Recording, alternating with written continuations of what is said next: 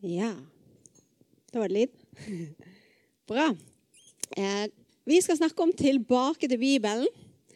Og det er eh, egentlig vanskelig å forberede seg til det. Eh, så det endte opp med at jeg skrev én tale, og så tenkte jeg «Mm, nei, det var ikke helt sånn det skulle være. Og så jobbet jeg fram en tale til. Nei, det var ikke helt sånn heller. Og så jobbet vi fram en ny tale. Eh, og det er fordi at det er så vanvittig mye å si. For dette handler om hele denne boken her. Eh, og det er, det er Guds vanvittig rike ord. Eh, vi skal liksom prøve å skvise inn på den lille formiddagen her, da. ja. I hvert fall så kjente jeg skikkelig fred for dette her som vi lander på. og da skal jeg begynne med å si det at jeg elsker Bibelen. Jeg elsker Bibelen. Og inni her så har jeg mine favoritter. og det er personer og situasjoner som har matchet med mitt liv. Der jeg har funnet meg sjøl inni her. Eh, og jeg er sikker på at hvis vi snakket om det, så har, vi, så har du dine favoritter, og så er de helt forskjellige. For du har et helt annet liv enn det som jeg har. Eh, og du har trengt visdom fra helt andre personer og situasjoner i ordet enn det som jeg har. Eh, men det er fantastisk å ha sånne der skatter inni Bibelen. Um, og Bibelen er skrevet og designet av Gud på en sånn måte at uansett eh, hva vi kommer til å møte i dette livet, så kan vi forankre det opp i ordet. Og vi finner personer som har opplevd det samme. Ikke praktisk gjerne det samme, men åndelig sett det samme. Eller situasjoner. Og de er inni her fordi at vi trenger dem. For at vi skal få lov til å høste ut av de erfaringene og det som de lærte. Eh, så vi trenger denne boken i dag, og det er en personlig bok til meg og til deg i våre liv og vår hverdag. Så vi finner hjelp til utfordringer, vi finner løsninger på problemer, eh, og vi finner trøst og hjelp og råd og kjærlighet og styrke og tro og omsorg og beskyttelse og vern. Alt, alle tingene som vi kan tenke at vi trenger i livet, det finner vi inni her. Eh, og sånn er det for meg nå. Sånn var det ikke før. Det har ikke alltid vært sånn. For jeg har nemlig hatt et bibelsammenbrudd. Og kanskje du har hatt det òg. Et bibelsammenbrudd. Jeg klarte ikke å beskrive det på en annen måte. Eh, fordi at jeg i ungdommen så elsket jeg å være sammen med Jesus. Jeg var superbegeistret for han. Jeg hadde en sånn vest, en dongerivest, og det sto 'Jesus' bak på hele ryggen. Altså, jeg gikk med på skolen og på toget. Jeg var skikkelig glad i Jesus. Jeg var skikkelig glad i å be og lovsynge. Eh, og så leste jeg litt i Bibelen. For det må man jo. Og det hadde jeg lært hjemme. At det måtte vi alltid gjøre. Eh, når jeg var 21 år, så bestemte jeg meg for å være ærlig med Jesus. Eh, og da hadde jeg en bønn som var sånn som dette her. Jesus, det er dritkjedelig å lese i Bibelen. Det er kjempetørt, og jeg skjønner ingenting. Det var mitt bibelsammenbrudd. Ja.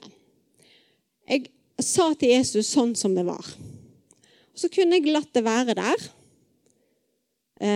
Men fordi jeg tok det inn for han og sa det sånn er det, Jesus, eh, så tenkte jeg jeg må jo spørre han om hjelp, da så gjorde jeg det. Så inviterte jeg Jesus inn i det og sa Jesus, hjelp meg til å bli glad i ditt ord. For jeg vet at jeg trenger dette. Jeg vet oppi her at dette er kjempeviktig for meg.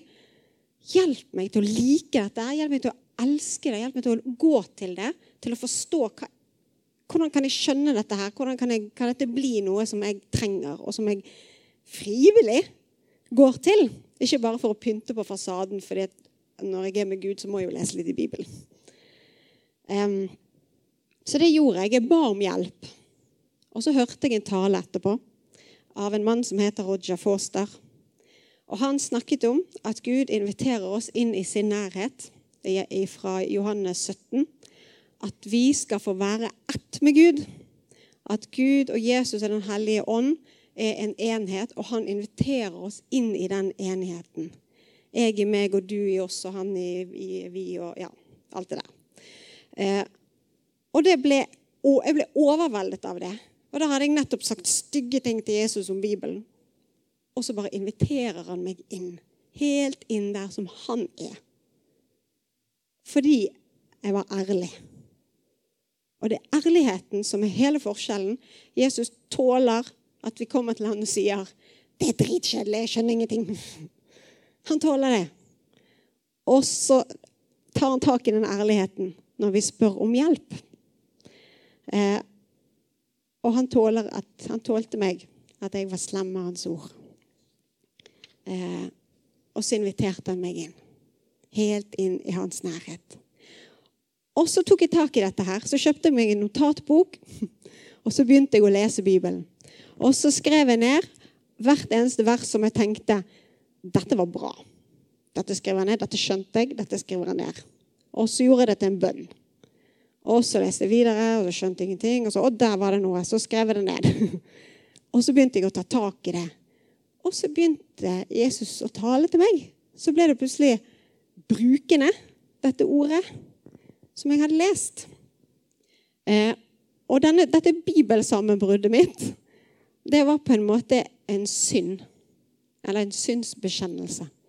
Så Jesus, dette holder jeg på å gjøre gale i livet mitt. Jeg pynter på fasaden. Jeg sier at jeg leser ditt ord. Jeg er veldig glad i Bibelen. Og så gjør jeg det bare for å ha, kan jeg tikke av den boksen at Yes, jeg har lest. Eh, og den bekjennelsen av synd, den tar Jesus tak i. Den ærligheten, den tok han tak i. Og så kan jeg stå her og si i dag jeg elsker Bibelen, og det er på ekte. eh, jeg skal dele to eksempler fra mitt eget liv om hvordan jeg bruker og kan bruke Bibelen inn i en helt vanlig hverdag.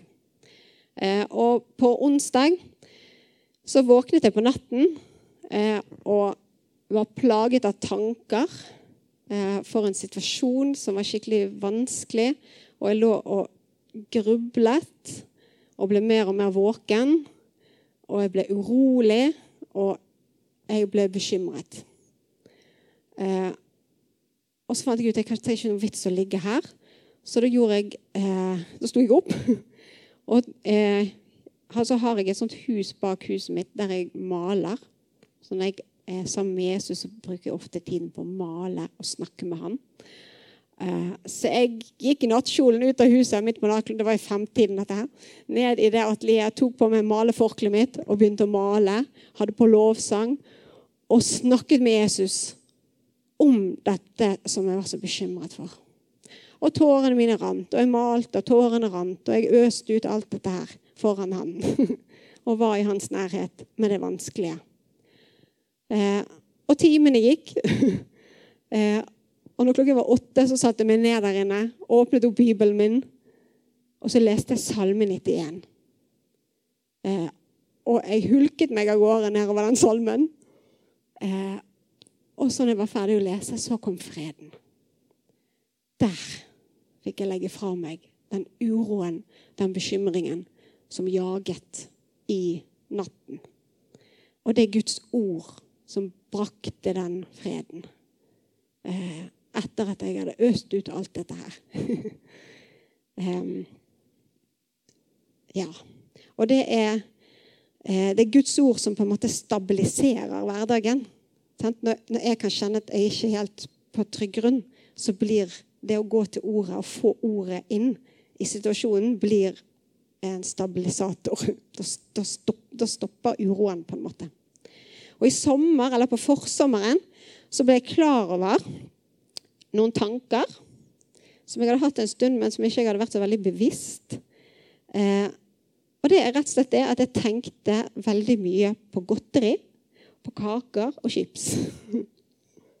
og at jeg kunne stå opp om morgenen, og så var tankene veldig fort over eh, hva som er i kjøleskapet, hva som er i skapet, hva jeg kan spise etter jeg har spist lunsjen, og hva jeg skal spise i kveld når jeg skal slappe av og kose meg. Eh, og så ble jeg bevisst det at den tanken den var veldig høyt oppe hver dag i min hverdag. Eh, og der jeg, eh, jeg skjønte at jeg planlagte handleturene mine fordi at hva jeg treng, trengte å kose meg med på kvelden. Kanskje noen kjenner seg igjen. jeg vet ikke. Sånn hadde jeg det. Og jeg var ikke klar over at jeg hadde et sånn tankemønster før jeg plutselig registrerte det. Og da kunne jeg velge å tenke ja, ja, alle har nå sine laster, eller et eller annet sånt. Og så fortsette i den spinningen. Eh, men har, i, i sånn situasjon så har vi et valg. Vi kan velge å ta tak i det, eller vi kan la det være en del av livet. Eh, og da valgte jeg å ta tak og invitere Jesus inn i dette her. Disse her rare tankene. Eh, og så sa jeg 'hjelp meg, Jesus', for jeg vil at mine tanker skal kretse rundt deg når jeg våkner. At gjennom dagen så er det deg det handler om, Jesus. Og ikke her, dette her som har med godteri å gjøre. Og så kom det et ord til meg. Livet er mer enn maten. Kroppen er mer enn klærne. Eh, og så tenkte jeg ja, nettopp. Der er det et eller annet som jeg ikke har skjønt. Eller jeg har ikke grepet det ennå. Eh, og det er derfor forresten det er viktig å lese Bibelen. For dette, da får du sånne ord som Den hellige ånd kan hente fram plutselig i situasjoner når du trenger det. Derfor dukket dette ordet opp. Livet er mer enn maten. Eh, og for det som hadde skjedd i min hverdag, i mine tanker, det var at mat og liv det var på en måte rett og slett blitt eh, likestilt. Hva jeg gjorde med livet mitt den dagen, var like viktig oppi her som hva jeg skulle spise når jeg skulle kose meg. Eh, og så tok jeg tak i det.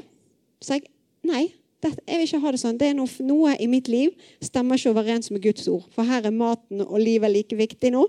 Det går ikke. Jeg må justere meg etter ordet. Og så gjorde jeg det. Så fastet jeg fra søte, gode saker i en måneds tid. Eh, fordi at jeg ville vise Jesus Jesus, jeg velger livet. Jeg skal bøye disse tankene her under ditt ord. Eh, sånn at jeg får dette her på plass i livet mitt. Eh, og Så gikk det en måned, så snakket jeg med Jesus om det. Og så var meg og Jesus helt enige. Kampen er vunnet, og maten er bøyd under livet. Eh, og så er tankemønsteret fri. Det det er vekke. Det der jaget og den der hele tiden. Hva det må ut og handle i dag, som jeg må ha. eh, dette er helt simple, enkle ting fra hverdagen. Om det å bruke ordet eh, og slipe livet med det som vi leser. Det er ikke behagelig i det hele tatt. Det koster noen ting å sitte der og ikke spise godteri når alle de andre gjør det, f.eks. Um, men det er Guds ord som er kraften eh, som vi trenger når vi skal jobbe med oss sjøl på den måten der. Eh, så hva er egentlig dette for en bok? Eh, vi har hørt det sikkert mange ganger, men i Johannes 1 så står det sånn at i begynnelsen var Ordet Ordet var hos Gud, og ordet var Gud. Han var i begynnelsen hos Gud.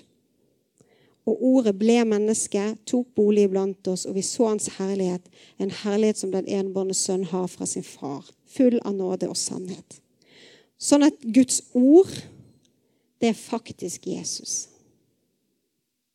Det er det. Jesus er ordet. Og i 2.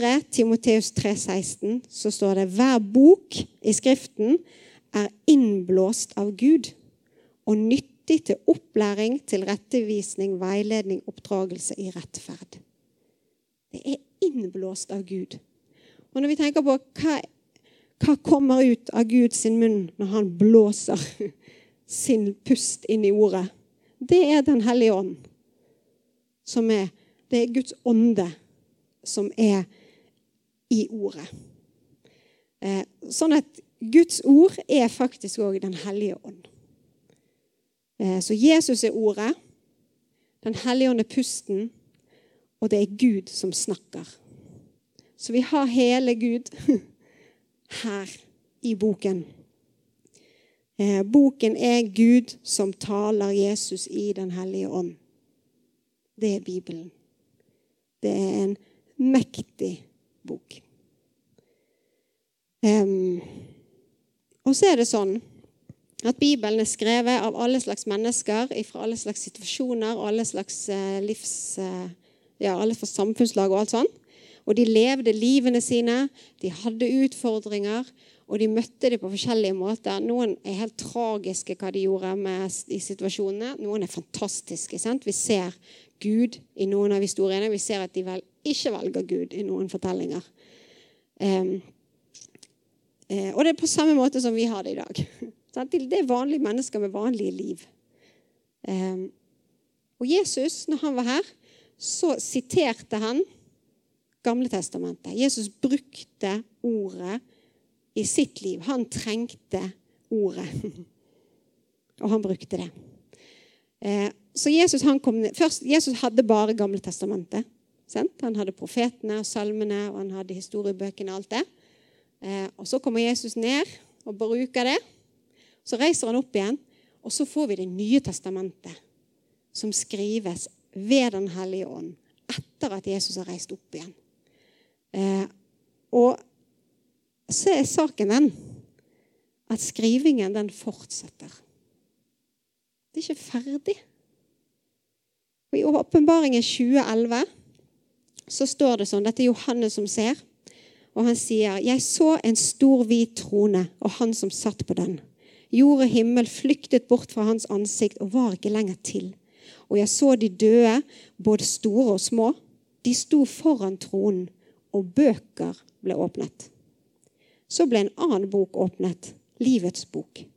Og de døde ble dømt etter det som sto skrevet i bøkene etter sine gjerninger, står det. Og dette er jo ikke Nytestamentet. Dette er jo det som kommer etterpå. Dette er jo våre bøker. Det er våre liv. Det er våre historier. Det blir skrevet ned, det som skjer i våre liv. I 2. Korinterne 3,2 så finner vi òg at vi er brev, står det. For dere, viser at Krist... nei, for dere viser at dere er Kristi brev. Blitt til ved vår tjeneste, skriver Paulus. Det er ikke skrevet med blekk, men med den levende Guds ånd. Ikke på steintavler, Eh, men i hjerter på tavler av kjøtt og blod. Så Jesus han kommer tilbake en gang til. Og da er det nye bøker som skal åpnes. Nye brev som skal leses. Eh, og da er det mitt liv og ditt liv. Eh, og i hebreerne så står det at det skal leses av alle. Det skal åpenbares for alle. Og det kan vi jo skjelve litt i buksene av. Og hvem er det som er forfatteren, da? Jo, det er jo meg. Jeg er jo forfatteren i boken som er mitt liv.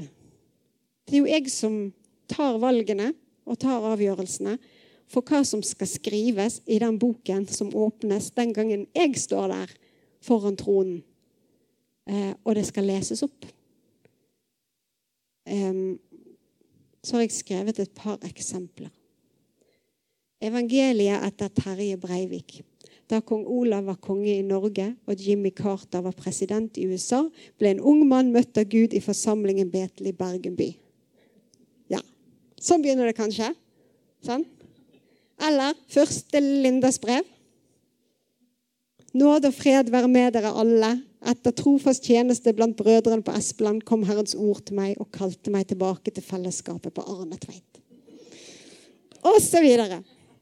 Sant? Alle skal lese våre brev og våre bøker i evigheten. Og det står om meg og deg. Men nå er vi her. Midt i boken. Kanskje mot slutten av boken eller helt i begynnelsen. Det vet vi ikke. Eh, men vi kan få lov til å vandre sammen med Gud på en sånn måte at min bok i himmelen handler om Jesus. At det er han som blir hovedpersonen, og han som har regien. Og han som er den som blir løftet opp når den boken en dag skal leses. Eh, og Skal vi se Paulus, for eksempel. Han hadde et sånt veldig tydelig skille midt i sin bok. Han var Saulus og gjorde én ting inn mot Guds menighet. Så skjedde det en forvandling. Eh, og så fortsatte boken hans i en helt annen retning, som er kjempespennende. Eh, og sånn kan det være med oss òg. Det neste kapitlet som ligger foran, det kan bli helt annerledes enn det som har vært. Vi trenger ikke å dra med alt dette, alle de kapitlene som har vært. Vi kan få lov til å begynne helt på nytt. Skrive et nytt kapittel eh, som vi vet skal bli lest. Der Jesus får ære. Der han blir løftet opp. Og der, eh, ja, der ting er etter hans plan og vilje for livene våre. Eh, Jesus trengte Bibelen. Når djevelen kom og fristet Jesus i ørkenen, så kjørte Jesus på med bibelvers tilbake. Han visste hva kraft det er i Gud, Jesus og Den hellige ånd sitt ord mot fienden. Og Jesus brukte det, og det virket. Og det må vi gjøre òg. I Hebreerne 4,12 så står det for Guds ord er levende og virkekraftig og skarpere enn noe tveget sverd.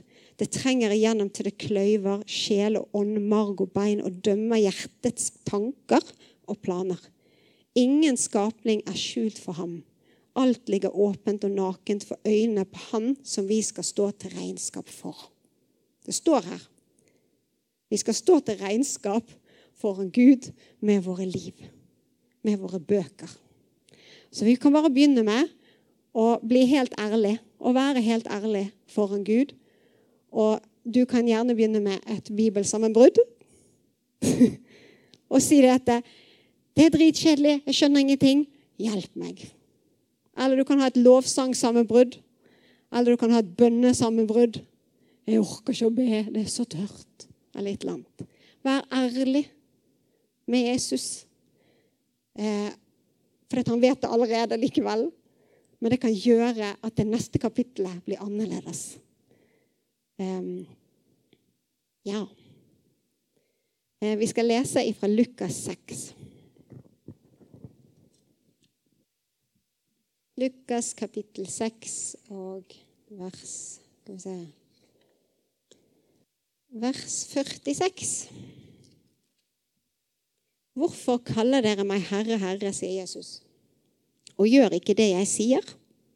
Den som kommer til meg og hører mine ord og gjør det jeg sier, skal jeg vise dere hvem han ligner.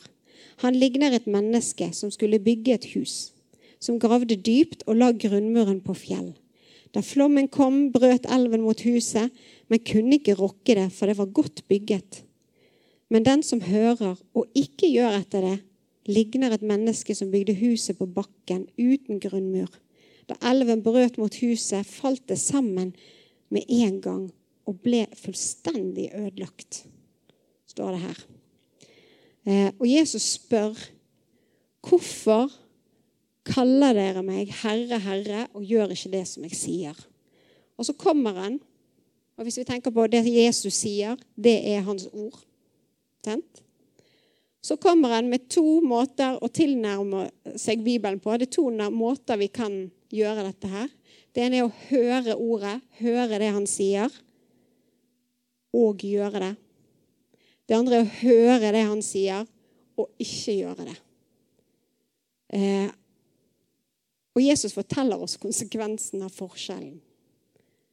Eh, forskjellen er at han vil redde oss under livets stormer når vi gjør det som vi hører at ordet sier. Når vi lar oss slipe og jobbes på av ordet, så bygges vi, bygger vi på en måte denne grunnmuren under livet vårt eh, som gjør at Jesus kan redde oss igjennom livets stormer. Stormene kommer uansett. Både til han som bygget huset på grunnmur, og han som ikke gjorde det. Forskjellen er om vi bygger på hans ord, om vi hviler hele livet oppå her. Det er bare da han kan trygge hele huset.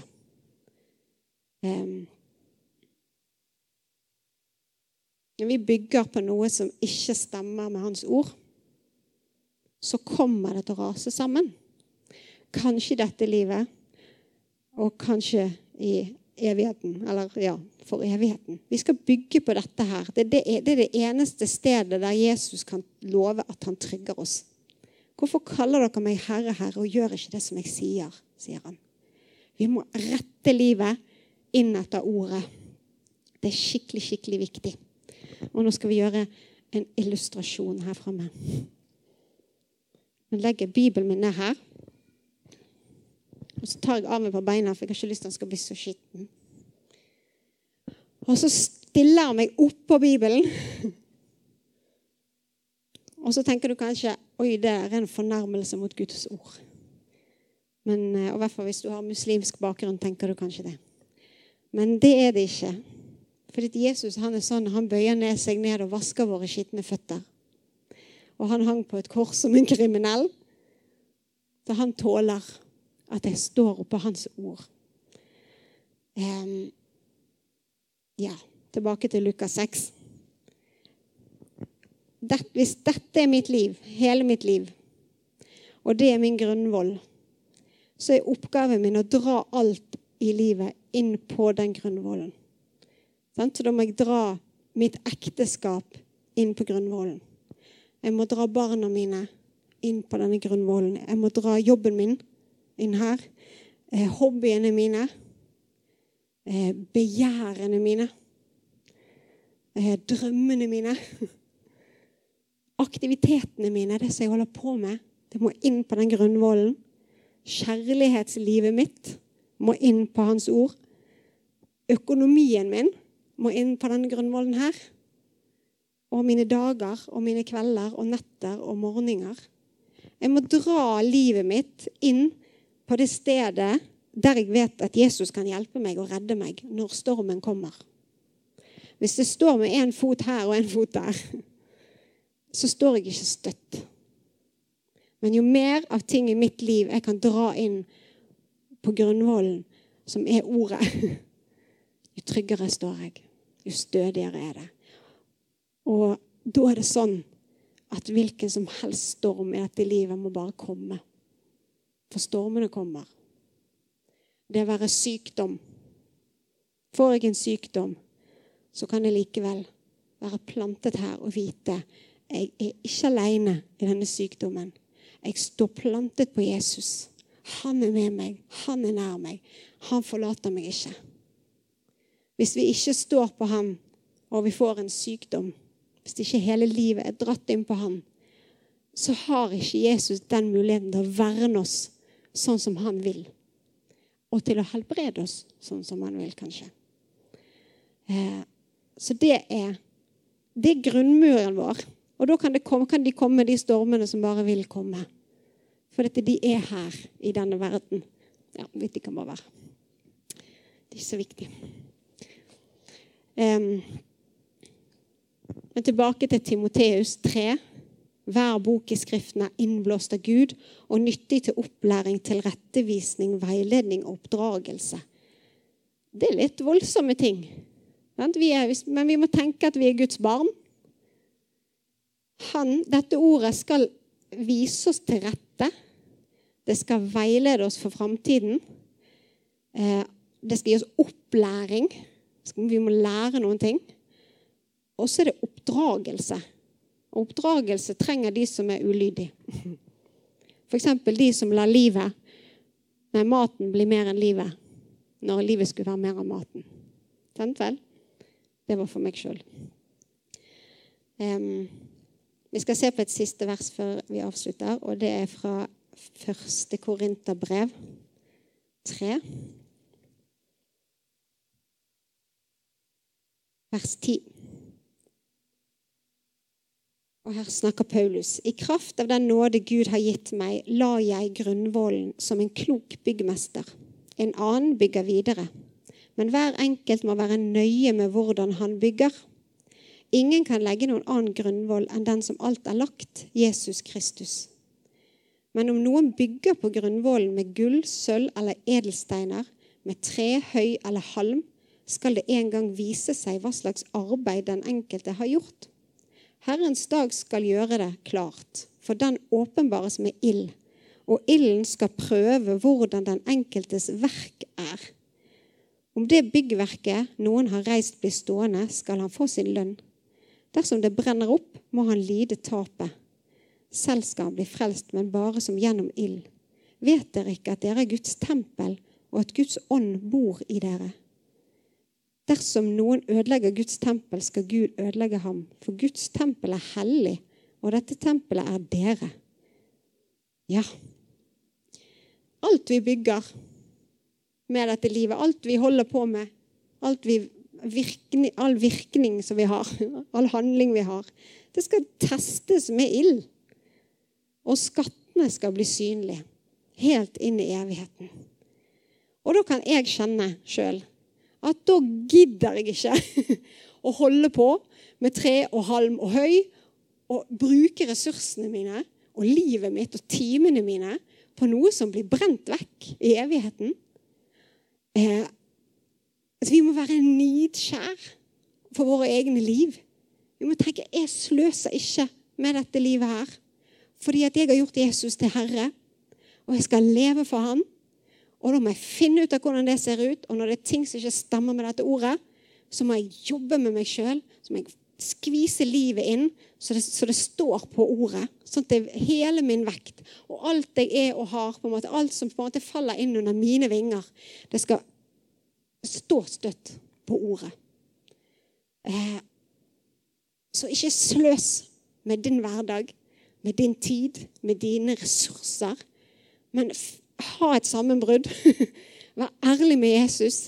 Si hva skal jeg gjøre med dette her krøllet her i livet mitt? Hvordan skal jeg få dette her på plass? Jesus, jeg skjønner ikke dette. Og inviter han inn i det. Hjelp meg. Vis meg. Og henvend deg til ordet på en sånn måte at du lar deg oppdra. Lar deg veilede og vise til rette. Og det er fantastisk når vi blir fri. Når vi kommer ut av de slitsomme kampene. Og Jesus eh, seirer. Så er det en helt fantastisk frihet som ikke var der hvis vi droppet å være ærlige og bare dekket over, sånn som jeg gjorde før jeg hadde mitt sammenbrudd. Eh, så tenk kostbart om ditt eget liv. Og det er fordi at det ikke er ditt. Du har gitt det vekk. Når du ble frelst og tok imot Jesus, så ga du livet ditt til en annen herre. Så vi må ikke sløse med det. Vi må verdsette de vi er, og ressursene vi har, og så må vi bruke det til ære for Han. Ja. Så skal vi lese bare et bitte lite, noen få vers i Salme 1, og så slutter vi der.